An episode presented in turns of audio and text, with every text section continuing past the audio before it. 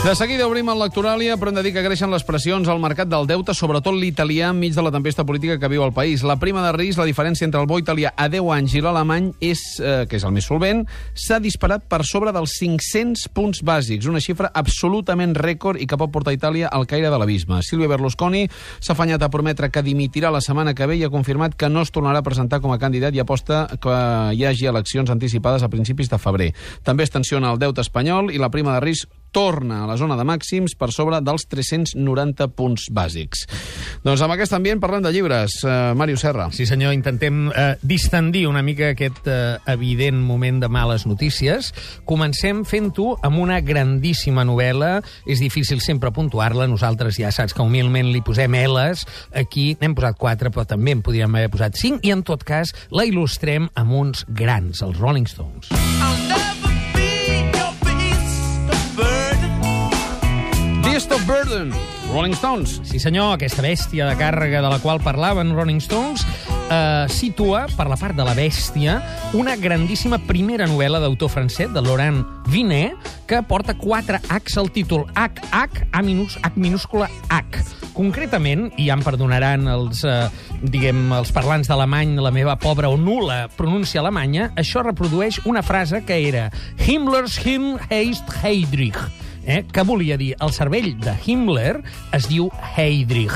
Per què s'intitula així aquesta novel·la? Traducció del francès al català per Ana Maria Corredor, editada en 1984, i en castellà a Seix Barral. Doncs bé, perquè Laurent Vinet fa una novel·la de debut que es dedica a explicar la història d'aquest monstre del Tercer Reich, que va ser en Heydrich, que va ser el conegut com la bèstia rossa, eh, amb molts malnoms, un dels quals era el, diguem, l'autor intel·lectual de l'anomenada solució final eh, per acabar amb el poble jueu. Eh, en Heydrich eh, va ser qui Hitler va posar al capdavant de Praga un cop eh, va estar sota domini del Tercer Reich i va morir en un atemptat fet per dos xecs enviats eh, com a paracaigudistes des de Londres. Vines s'enfronta a aquesta història, que ja ha estat explicada moltes vegades, amb una arma diferent. L'arma del novel·lista que no vol entrar a la ficció en cap moment.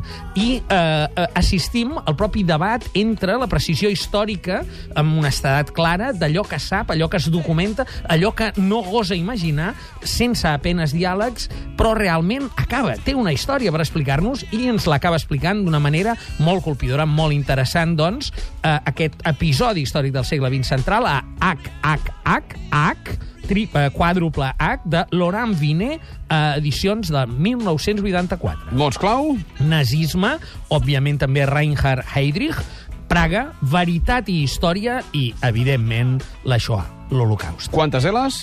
Quatre L's tendent cap a cinc. He vist un riu a París, a prop de sa torre gris. Mecanismes d'Antònia Font per il·lustrar Ajaja. Sí, senyor, ajaja, que més enllà de l'expressió és un palíndrom, és un cap i cua. Sí. Això, ajaja, és antologia palindròmica personal. És un autor català, en Pere Ruiz, Pedro Ruiz Lozano, que escriu en castellà, ell és d'Olot, i està editat a Mèxic. Això és editorial Praxis. Els nostres oients ho poden trobar, però sobretot que ho busquin a través d'internet o demanin al seu llibreter, perquè és una editorial ben distribuïda. Aquí ens trobem 2.500 palíndroms d'aquest autor que ha escrit durant 20 anys. Caram. Ell ja va ser l'autor amb en Jesús Lledó de l'antologia Severla al revés, en aquesta mateixa editorial l'any 2008, però allò eren de palíndroms d'altra gent. Aquí són els seus, són 20 anys de poesia, eh, tenen una voluntat, evidentment, és, eh, una, és molt engabanyat haver d'escriure del dret i del revés, però hi ha una voluntat literària clara, també inclou un assaig que, eh, diguem, eh, reflexiona sobre què vol dir escriure palíndroms, però perquè vegis que n'hi ha de tot tipus i no només enrebaçats, n'hi ha que poden arribar a fer-se populars com si fos un eslògan, eh? I no parlo del català a l'atac, Ah. ah. no parlo del català a l'atac, que també és, però no, no és pas meu, vull dir que també existeix. Diu, Tejero és rojete? Es pregunta, que dius, carai... Em pregunta, eh? Més, més, més aviat no, Sí, amb- oi? amb afirmació no Amb funcionaria. afirmació no funcionaria, no? En tot cas, a mi el que... Eh, jo vull destacar perquè estem a punt d'arribar aquest divendres al dia 11 de l'11 del 2011 i he pensat que era un bon moment per portar un llibre així una mica especial com aquest, Sí. Ajaja, de Pedro Luis Ruiz Lozano. Però t'he de dir que el que m'ha emocionat més de tot el llibre que està ple de 2.500 capicues és una dedicatòria que no és capicua, Ah, no? sinó la dedicatòria que és per a la seva parella i diu a Carmen que tanto ha sabido entender la parte más abstracta de mi ser. Com a dedi- dedicatòria ho trobo extraordinari, en fi, digne d'un matemàtic que és el que acaba sent un autor de palíndroms, Pedro Ruiz Lozano, ajaja, editorial Praxis, a Mèxic. Mots clau? Palíndrom, simetria, poesia, experimentació i, evidentment, joc verbal. Jo l'enyor com segles de glacera. Una de les meves favorites del darrer disc d'Antònia Font, aquest Icebergs i Geysers. que té un vers que diu som a les portes de l'infern per tu i, I- tenc pl plans de Plans futur. de futur, Això és és, extraordinari. és sensacional. És, és molt descriptiu del moment que vivim, eh? Sí, Sí. Si no tenim plans de futur malament, però som a les portes de l'infern moltes vegades. El piano caient des de l'Empire State. Sí, senyor. I, És- i sentint-lo. Eh? Sí, senyor, és extraordinària.